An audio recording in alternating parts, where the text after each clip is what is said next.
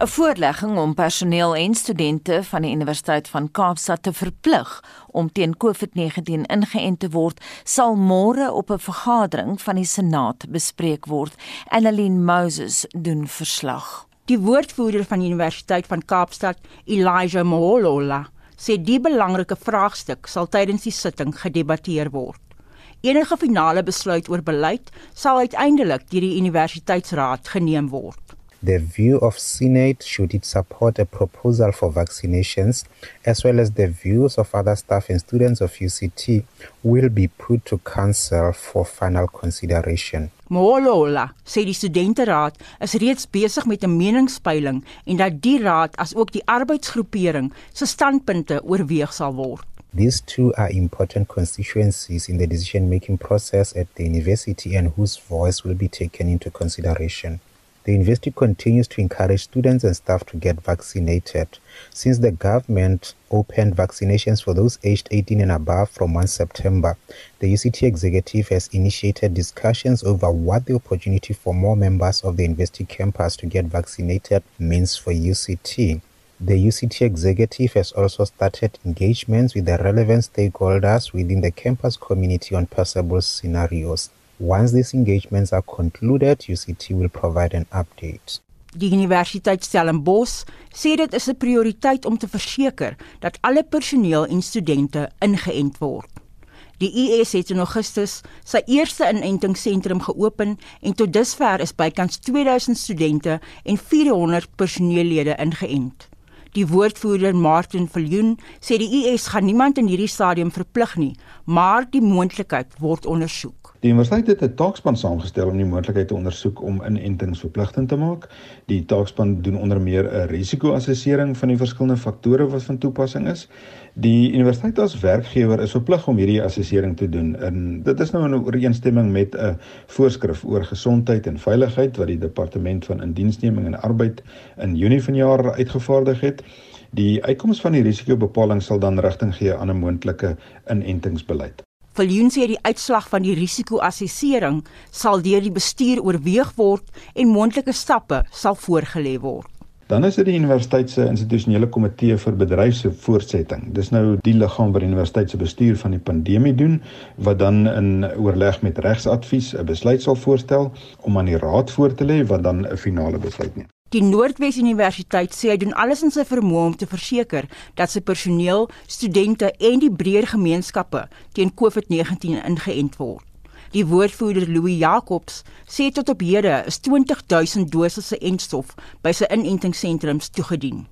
Jacobs sê ook die NWU het in die stadium geen planne om studente en personeel te dwing nie. Maar uit die aard van die saak is dit vir ons belangrik om ook deel te neem aan gesprekke op 'n nasionale vlak waar ander hoër onderwysinstellings by betrokke is ten einde dan by 'n punt te kom waar daar moontlik totale sektorale besluit geneem sal word. Jakob sê personeel en studente word gereeld ingelig oor die moontlike neeweffekte van die COVID-19-enstof en hulle probeer eerder om mense wat huiwerig is of teenkanting bied oor te haal. Deurlopend is ons aanslag om mense so ver as moontlik aan te moedig en soos ek sê op hierdie stadium is daar nog geen aanduiding van verpligte vaksinering deur enige van ons studente of personeel. Die bedryfshoof van die Sambreel Liggaam Universiteit in Suid-Afrika, Dr Linda Meyer, sê die liggaam wil dit duidelik stel dat niemand teen sy wil ingeënt kan word nie.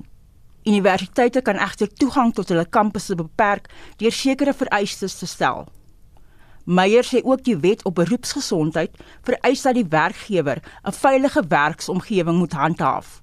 As dit nie gebeur nie, kan die werkgewer strafregtelik vervolg word. As ons praat van wat die Engelsman noem mandatory inenting, daar is nie 'n ding soos mandatory inenting in ons land nie, maar daar is 'n ding soos voorvereistes voordat jy 'n spesifieke instansie se geriewe kan gebruik. So ons sien dit byvoorbeeld as ons in liggawens ingaan waar ons sakke moet uitpak en ons rekenaars moet gescan word. Ons sien dit ook waar kinders inskryf vir skool en vra word gevra of hulle die inenting gehad het vir polio of measles en so voort. En ons moet verstaan dat in daai raamwerk moet ons mense se besluite respekteer. So as mense besluit hulle wil nie inenting hê nie, Hulle is wat ons noem anti-vaxxers. Ons kan hulle nie forceer om dit te hê nie, maar ons kan sê as jy van ons geriewe wil gebruik maak asseblief, dis 'n voorvereiste vir ons. Soos wat ons almal sê, nie een van ons is veilig totdat ons almal veilig is nie. Meyer sê Universiteit in Suid-Afrika is 'n voorstander van inentings omdat daar positiewe wetenskaplike bewyse is. As iemand ingeënt word, is hulle kanse om siek te word oor die 80% minder as mense wat nie ingeënt word nie. Maar ook dat die transmissie van een persoon na die ander wat Glenda Gray noem exponentially verminder word. So dit nie net oor die persoon, maar dit oor die groter sosiale konteks waarin ons onsself vind. Waar mense regtig moet verstaan dat as ons praat oor COVID-19 en inting en ons praat oor dat ons siektes wil voorkom en dat ons wil op 'n plek kom waar ons nie maskers meer dra nie en ons sosiale interaksies kan hê, moet ons dinge doen wat in die groter sosiale goed is. Sy sê die nuwe riglyne van die departemente van arbeid en gesondheid gee werkgewers die reg om beleid in te stel na 'n konsultasieproses. Mense wat nie ingeënt kan word nie weens mediese redes of diegene wat hier inentings gekant is, moet egter nie uitgesluit word nie.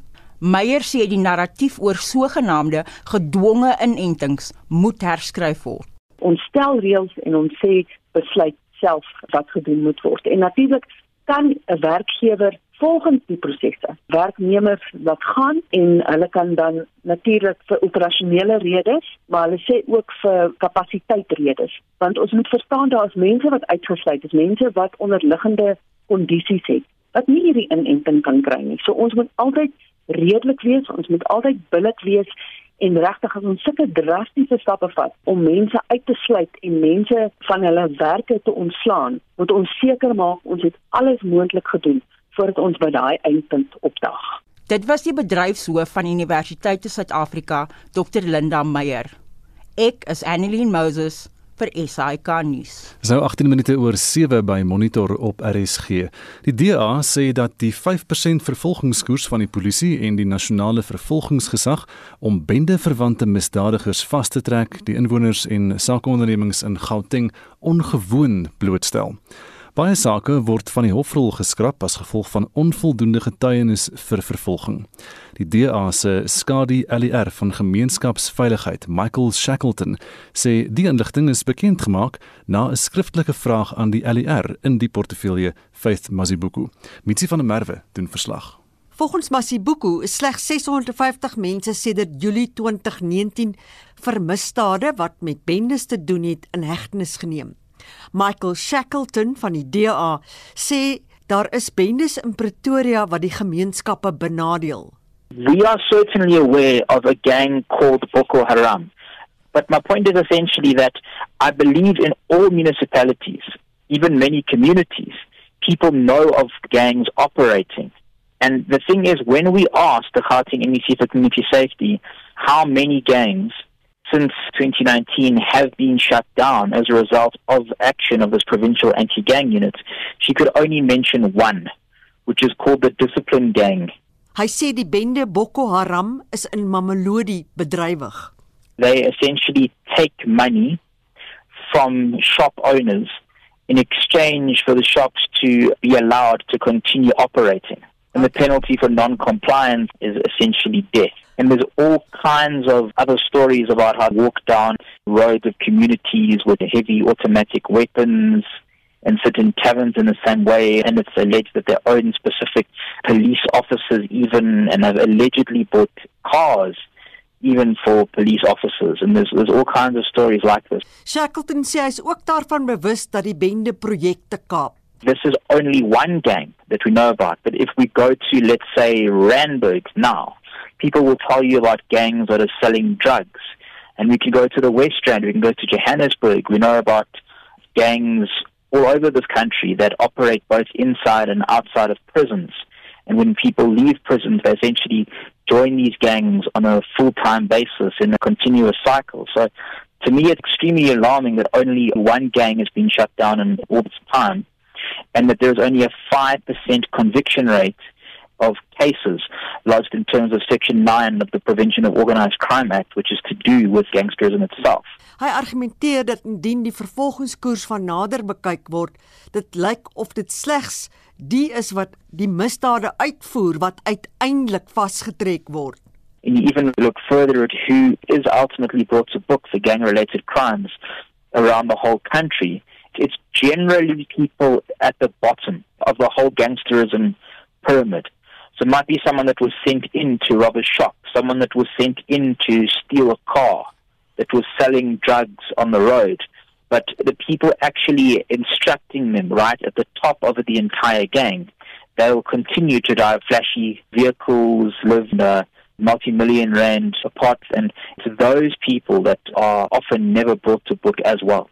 Maar wat sou die tendens veroorsaak? I think the current strategy of bringing uh, criminals to book for gang-related crimes clearly isn't working, and we're calling on the NEC and on the provincial police commissioner to uh, review that particular strategy.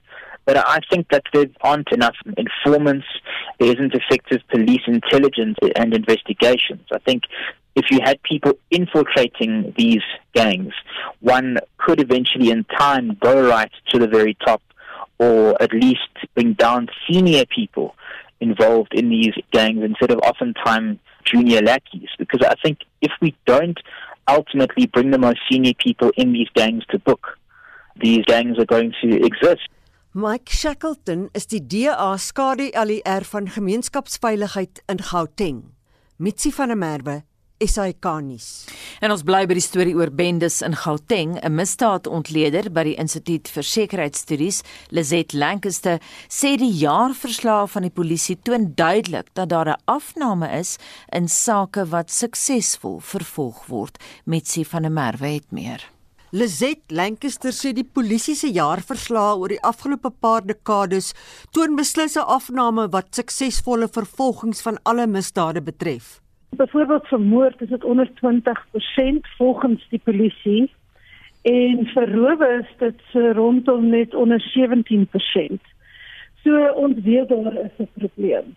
Ek dink wat bende geweld baie moeilik maak om te vervolg en ons sien dit reg oor die land is die feit dat ons hier praat van baie gewelddadige persone en wat 'n groepverwante tipe van misdade optree. So jy arresteer nooit die hele groep nie wat beteken dat daar ander mense vry is wat nogal baie gevaarlik kan wees. Hulle teiken almal wat teen hulle kan optree en getuig. Hulle kan die aanklaers, die ondersoekbeamptes en selfs die getuies teiken. So baie keer is dit 'n geval dat getuies nie wil na vore tree om teen hierdie gewelddadige mense op te tree nie. Baie keer is dit 'n geval dat daar nie genoeg bewysstukke is teen hierdie mense nie. So dit maak dit baie moeilik vir ondersoekbeamptes. Maar mens kan sê dat daar 'n probleem is met hoe hierdie tipe van sulke nagekyk word. Sy sê daar is nie 'n gekoördineerde poging in die vervolgingsoptrede nie jy het baie noue samewerking nodig tussen die aanklaers en die ondersoekbeamptes en dat hierdie misdade moet weliswaar geprioritiseer word veral in plekke soos Gauteng waar ons baie hoë gewapende roofsyfers het. In die verlede was daar anti-roof tipe van strategieë wat gewerk het om huisrowers en besigheidsrowers en motorkapers aan te spreek. So dit is duidelik dat daar baie nouer samewerking tussen die vervolgingsgesag en die polisie moet wees, maar ook tussen verskillende polisieeenhede. Dit sluit in die verskillende taakmagte en die talle polisiestasies. Want baie kere beweeg hierdie mense rond. Hulle bly nie net in een provinsie byvoorbeeld nie. As dit 'n bietjie warm raak in 'n mangatting, dan gaan hulle Vrystaat toe. So dit is baie belangrik dat daar amper taakspanne is wat spesifiek na gewapende rowers kyk en hoe hulle moet aangespreek word. Ons weet ons taakspanne vir voorbeeld bende geweld. Maar weer eens, getuies is die groot probleem omdat hierdie mense so gewelddadig is. Daar moet definitief gekyk word hoe om hierdie getuies te beskerm.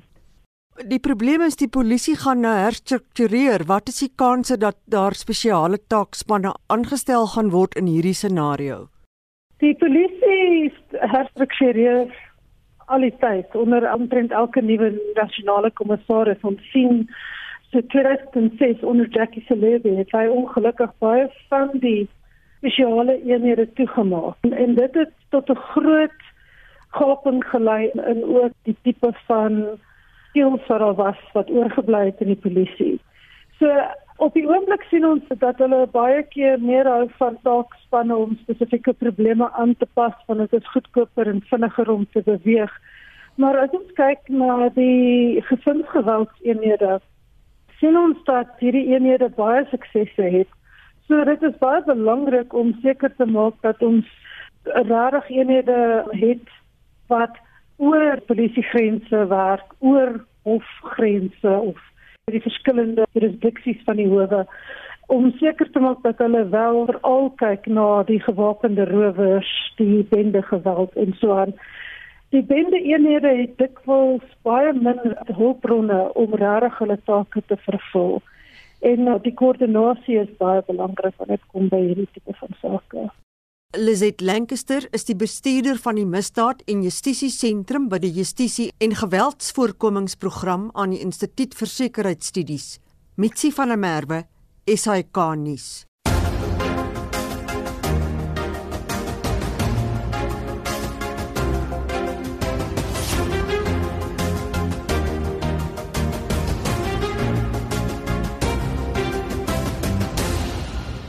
Die ANC het sy lede aangespoor om eerder van interne partystrukture gebruik te maak om dispute op te klaar as om aan betogings deel te neem. Honderde ANC-lede het gister by die ANC se hoofkantoor by Lutulihuis in Johannesburg betoog teen die party se verkiesingsproses van munisipale raadslede. Estie de Klerk doen verslag. Nog 'n optog by Lutulihuis. Sommige betogers kom so ver as Lepalale in Limpopo ander van die Tshwane Metro in Gauteng, maar almal met dieselfde versoek. Die ANC moet hulle dispute oplos in die keuse van hulle kandidaate vir raadslede vir die opkomende plaaslike regeringsverkiesings. Sandiso Madolo van Wyk 97 in Mamelodi sê reeds 'n maand het verloop sedert hulle hulle dispuut by die provinsiale komitee wat die lyste hersien geregistreer het.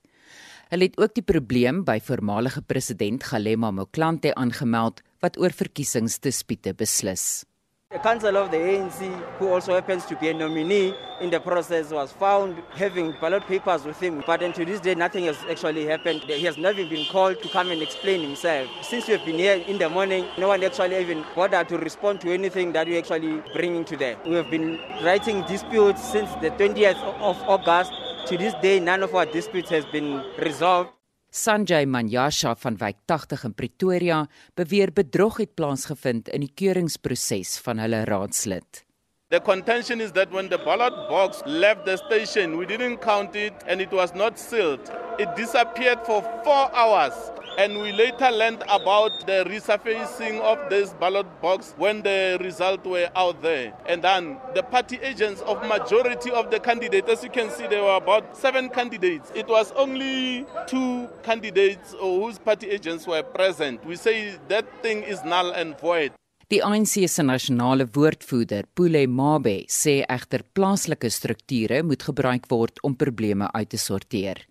Cadres have got to raise their concerns. We always encourage them to at least go to areas well within their reach. We have made announcement on numerous occasions that many of our comrades here at Lituli House are working from home. Now, coming to Lituli House, where you are even likely not to find anyone at head office because our national officials, members of the National Executive Committee, have been deployed in provinces and in regions to specifically attend to matters of local government elections. I hear that there could be issues raising, but they need to have trust and confidence in the leadership that is there in their provinces and regions.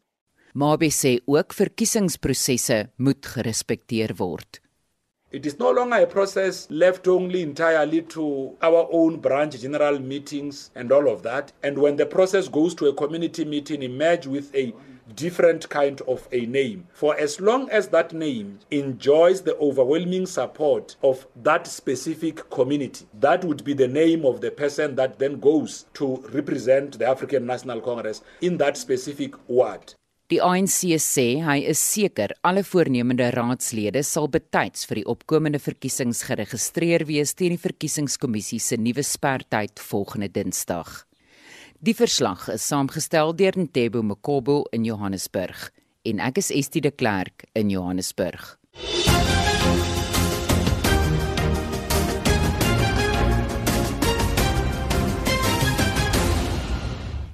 Estie, hoe lyk jou terugvoer? Anita Annetjie Kreer sê ek sal graag meer trots Suid-Afrikaans wil koop en in elke winkel waar ek in ingaan, soek ek eers na Suid-Afrikaanse produkte. Ek is selfs bereid om meer te betaal sodat ek plaaslike vervaardigers kan ondersteun, maar ek maak ook deesdae my eie goed sodat ek weet dit is Suid-Afrikaans vervaardig. Kom ons luister nou na stemnotas van ons luisteraars. Dis eenvoudig, jy koop die hoogste kwaliteit Maak nie saak van watter land dit kom nie, maar ek het 'n ding in my ek koop nie van China af nie. Ek koop baie Suid-Afrikaans vervaardigde produkte. Nou ek het installasies gedoen in 1980 in die Tuliblok in Botswana, is Suid-Afrikaanse produkte en dit funksioneer vandag nog 100%.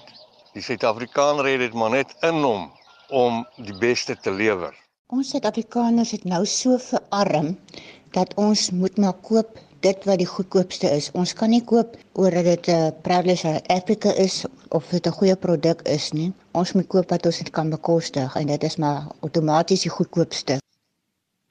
En ons wil vanoggend by jou weet, soek jy bewustelik daarna om Suid-Afrikaanse produkte te koop of kyk jy slegs na die prys en soek jy eerder na die goedkoopste produk om te koop. Stuur vir ons 'n SMS na 45889. Onthou dit kos R1.50 per SMS. Gaan ons Monitor en Spectrum Facebook bladsy en deel jou mening daar of WhatsApp vir ons 'n stemnota na 076 536 6961.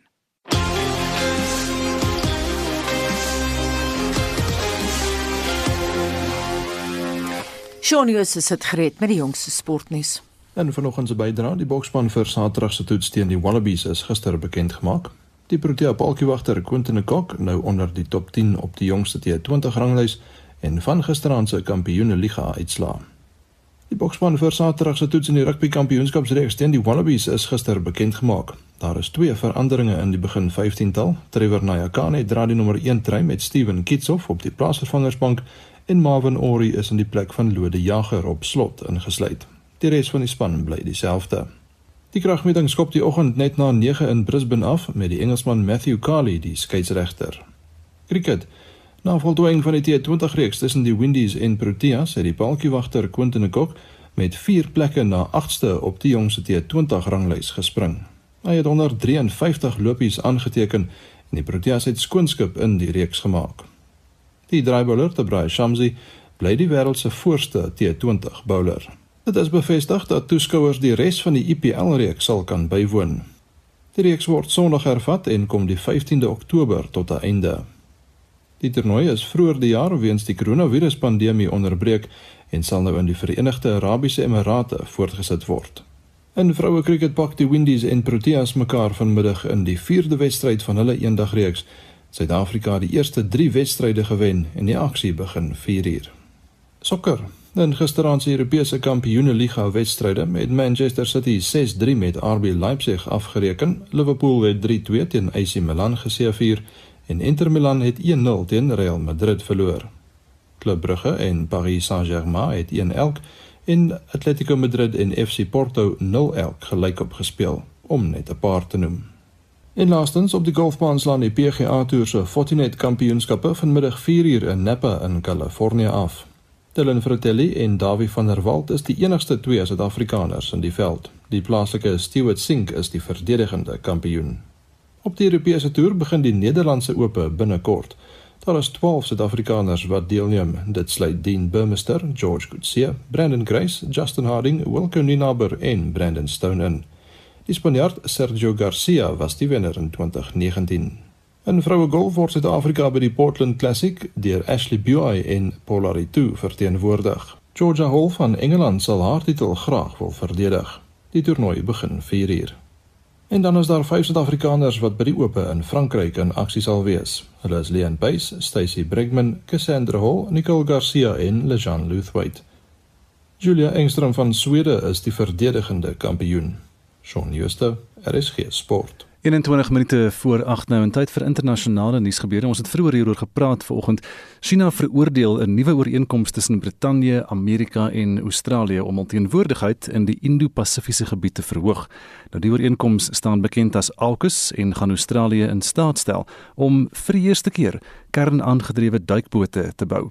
Marlenae Forsie volg die en ander internasionale nuusgebeure.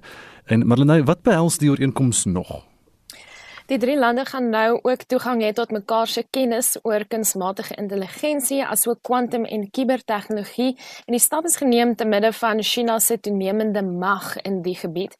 So belangrik was die aankondiging dat al drie lande se leiers, premier Scott Morrison van Australië, premier Boris Johnson van Brittanje en die VSA se president Joe Biden, die aankondiging gelyktydig gemaak het via 'n videoskakel. Our world is becoming more complex. Especially here in our region, the Indo Pacific. This affects us all. The future of the Indo Pacific will impact all our futures. We must now take our partnership to a new level. A partnership that seeks to engage, not to exclude, to contribute, not take, and to enable and empower, not to control or coerce. Only a handful of countries possess nuclear powered submarines, and it is a momentous decision for any nation to acquire this formidable capability. Australia is one of our oldest friends, a kindred nation, and a fellow democracy and a natural partner in this enterprise. We all recognize the imperative of ensuring peace and stability in the Indo Pacific over the long term. We need to be able to address both the current strategic environment in the region and how it may evolve, because the future of each of our nations, and indeed the world, depends on a free and open Indo Pacific enduring and flourishing in the decades ahead. Dit was Australië, Brittanje en die VSA se leiers oor die nuwe AUKUS ooreenkoms. Frankryk het in 2016 'n kontrak gewen om 12 duikbote vir die Australiërs te bou, maar die projek het nooit gerealiseer nie. Hoewel die duikbote wat nou in Australië gebou word, kernaangedrewe is, bevat dit nie kernwapens nie. Nou die FSA het verskeie topgimnaste getuig oor die swak hantering van hul klagtes teen die voormalige Olimpiese span Dr Larry Nasser. Die FPI het in die Senaat behoorlik onderskoot gekom vir hulle swak hantering van klagtes in die verband. Ja, Simone Biles, die gimnas wat haar van jare die span onttrek het in Tokio, Japan, het getuig oor wat sy moes verduur onder Nasser. Sy het tot 'n leerstelling onomwonde uitgespreek. I don't want another young gymnast, Olympic athlete, or any individual to experience the horror that I and hundreds of others have endured. To be clear, I blame Larry Nasser, and I also blame an entire system that enabled and perpetrated his abuse. Nog 'n spanlid, Michaela Maroney, het die FBI in 2015 reeds genader oor Nasser se gedrag. I answered all of their questions honestly and clearly, and I disclosed all of my molestations I had endured by Nassar to them in extreme detail. I began crying at the memory over the phone, and there was just dead silence. I was so shocked at the agent's silence and disregard for my trauma. After that minute of silence, he asked, Is that all? Twee ander atlete het ook getuig en vorm deel van minstens 200 vroue wat in 2018 in die hof getuig het oor die mishandeling wat hulle onder Nasser moes verduur as spandokter vir die vroue gimnastiekspan en daarmee saam met so wat 330 vroue aan die Michigan Universiteit om ook van seksuele mishandelinge aangekla. Die FBI se direkteur Christopher Wray het as volg gereageer. I'm especially sorry that there were people at the FBI who had their own chance to stop this monster back in 2015 and failed. And that is inexcusable. It never should have happened, and we're doing everything in our power to make sure it never happens again. Die gimnaste beklemtoon egter dat dit nie genoeg is nie en dat die skade wat aangerig word deur swak hantering van klagtes soos die, die emosionele skade wat reeds aangerig is, verdiep. En dan nuus van 'n ander aard. Vier amateur ruimtevaarders onderneem op die oomblik 'n privaat ruimtevaart om die aarde. Die SpaceX, ehm um, eerder die SpaceX Dragon kapsule is gister gelanseer vanaf die Kennedy Ruimtesentrum in Florida, Amerika. Nou die insittendes is 'n miljardêr en drie ander reisigers en die gaan nou 3 dae in die ruimte deurbring. Nou die era van privaat ruimtereise begin behoorlik momentum optel met twee private besoeke aan die internasionale ruimtestasie in die nabye toekoms. Marlene Forsie met 'n oorsig van die wêreldnuusgebeure volgend. En nou terug in Suid-Afrika, die ekonomie Mike Schuessler het onlangs op 'n openbare platform gesê dat daar ekonomiese meriete sou wees vir die Wes-Kaap om 'n onafhanklike staat te word, maar dat dit polities gesproke doodgebore is. Tog sê groepe wat vir die ideaal werk dat Schuessler oningelig is oor die regsprosesse met sy van der Merwe het al die besonderhede. Absoluut. Die Wes-Kaap het al baie meer geld aan die sentrale regering as wat die sentrale regering vir hulle gee. So daar is maar ekonomies absoluut. Die probleem is polities. Die mense van die Weskaap sal wel afslag as hulle hoor hulle hoef minder belasting betaal en hulle kry meer terug. Sal dus net geld ding as die mense aan haar werklikheid. Die probleem kom dan wat doen jy dan? Wanneer die regering, die oorhoofse regering, die sentrale regering gaan nie reg wil toelaat nie. Die president van die burgerregte regsproses, die Verenigde Vryheidsalliansie VVA, Hein Marx, sê Schuessler is reg dat die sentrale regering dit nooit sal toelaat nie. En dis presies wat internasionale reg voorsiening maak. En dis die rede en hoekom internasionale reg in terme van sistering gesit soos hy geskryf is. Jy moet die internasionale regsproses van sistering volg waarvan die uitputting van interne remedies 'n uiters uiters belangrike gedeelte daarvan is. Dis op skrif. Hierdie goeie is nie mondelings nie. Dis gedoen. Die feit is dat die Wes-Kaap deel van die Republiek van Suid-Afrika is. Hoe kan die Wes-Kaap onafhanklik word as die regering die versoek ignoreer? Ons het niks vir die ANC regering te vra nie. So hulle hoef nie in te stem. Ons weet hulle nie in te stem nie. Want ons weet hulle sal nie instem nie. En die internasionale reg weet, dis hoekom hy so geskryf is dat 99.9% van die sogenaamde mother countries sal nie instem nie. Maar hoe ontroon jy die ANC as nasionale regering in die Wes-Kaap? Dit eenvoudig, jy verklaar die UDI, a Unilateral Declaration of Independence. Dit word gedoen in samewerking met internasionale reg sê 'n minimum van een ander internasionaal erkende land. Met ander woorde, jy kan dit gaan doen met die Republiek van Orania nie. Jy moet dit doen met die Republiek van Botswana byvoorbeeld of Amerika of al. Volgens Marx moet die VVA 'n mandaat van 2 miljoen stemme kry. Jy moet die 50% plus 1 van die bevolking wat in daai gebied val, aan jou mense se mandaat kry. Want ons het volgens internasionale reg ons mense moet reeds geïdentifiseer die sogenaamde group of people. Die oomblik as jy 'n mandaat het, dan vra jy nie vir die Suid-Afrikaanse regering vir die ANC om 'n referendum te hou nie. Jy dring aan in terme van internasionale reg en die regsproses wat gevolg is tot nou toe waarvan die ANC regering deel was waarvan alles opgeskryf is vir 'n referendum. Hiermee saam moet 'n soewereine internasionale land jou erken. Maar aan die ander kant is nou bring jy aan op die referendum en bring al die referendum hulle wêreld te gee. Al wat jy dan doen is dan verklaar jy die unilateral declaration of independence.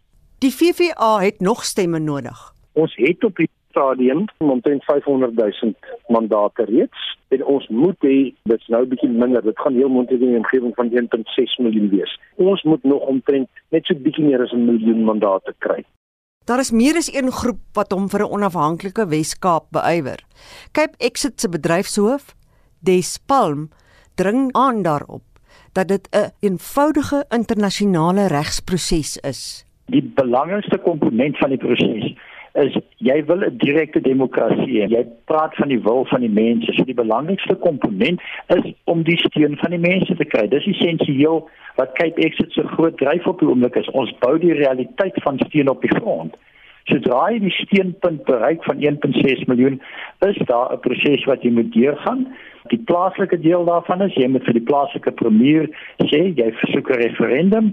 Het sy hy al sy opinie daaroor uitgespreek het al dan nie. Dit is 'n blokkie wat jy moet afmerk en dan gaan jy na die nasionale regering toe en jy sê jy soek 'n referendum. Daar is volgens Palm 'n proses wat 'n provinsiale regering magtiging gee om dit te doen?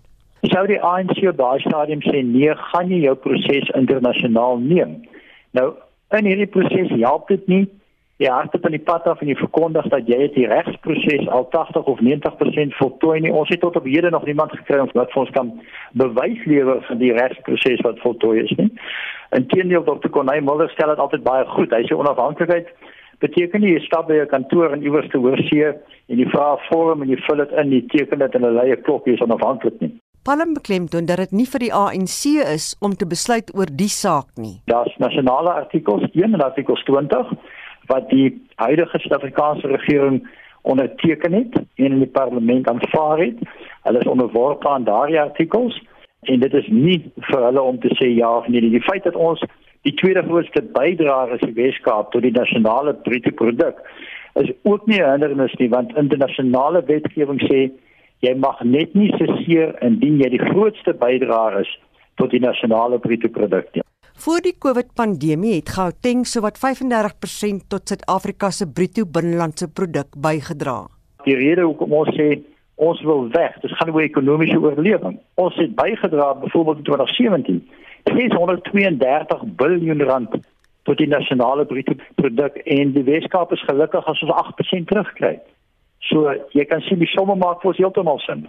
Maar hoe groot is Cape Exit se steun? Ja, ons loop nou so by die 819000. Ons het regtig by 0 begin. Want ons het baie goeie groei gehad. Toe die Grendelstaat begin het laas jaar het omtrent so op 7000 gestaan. Seker sien die groei is fenomenaal tot by 819 en ons mikpunt is 1.6. Op die oomblik is die groep wat onafhanklikheid betref met die grootste steunbasis Ons werk wel saam met die Cape Independence Advocacy Group. Ons is 'n nie politieke groep, hulle is 'n politieke drukgroep. Hulle het 'n meningspeiling gedoen nou onlangs deur Victory Research en 89% van die mense het gesê Suid-Afrika is op 'n verkeerde pad. En dit is heeltemal die gevoel in die Wes-Kaap wat deurlopend wat jy kry van die mense. Die land is op die verkeerde pad en daar is nie redding vir die land nie. Des Palm is die bedryfshoof van Cape Exit. Mitsi van der Merwe SAK nuus. Nou na 'n ander deel van die land, die bronsborsbeeld van die Anglo-Boereoorlogheld generaal Koos de la Rey wat vroeër van die jaar van sy graf in Lichtenburg in Noordwes gesteel is, is vervang. Die Federasie vir Afrikaanse Kultuurorganisasies, oftewel die FAK, het 'n beeldhouer aangestel om 'n replika van die oorspronklike beeld te maak nadat de la Rey se graf ook gevandaliseer is. Lila Magnus het meer. Die boereleier, generaal Koos Dallarey, tuur weer oor die begrafplaas in Lichtenburg in Noordwes, die verte in. Die beeld wat tans op die grafsteen pryk, is 'n replika van die oorspronklike bronsborsbeeld. Die FAK het die replika laat maak na die oorspronklike beeld gesteel is. Besturende direkteur van die FAK, Dani Langer, elke erfenis is ietsie van onthou, vertel ietsie van ons storie, is 'n inspirasie vir die toekoms. En as erfenis verdwyn, as erfenis gebreek word, as dit verwyder word soos hierdie graf, as dit gesteel word, is dit 'n stukkie van ons geskiedenis, 'n stukkie van ons onthou wat verlore gaan. En as ons al ons erfenisse verloor, dan verloor ons ook ons wortels en ons ankers in hierdie land. Die imposante beeld toring bo die ander grafstene uit.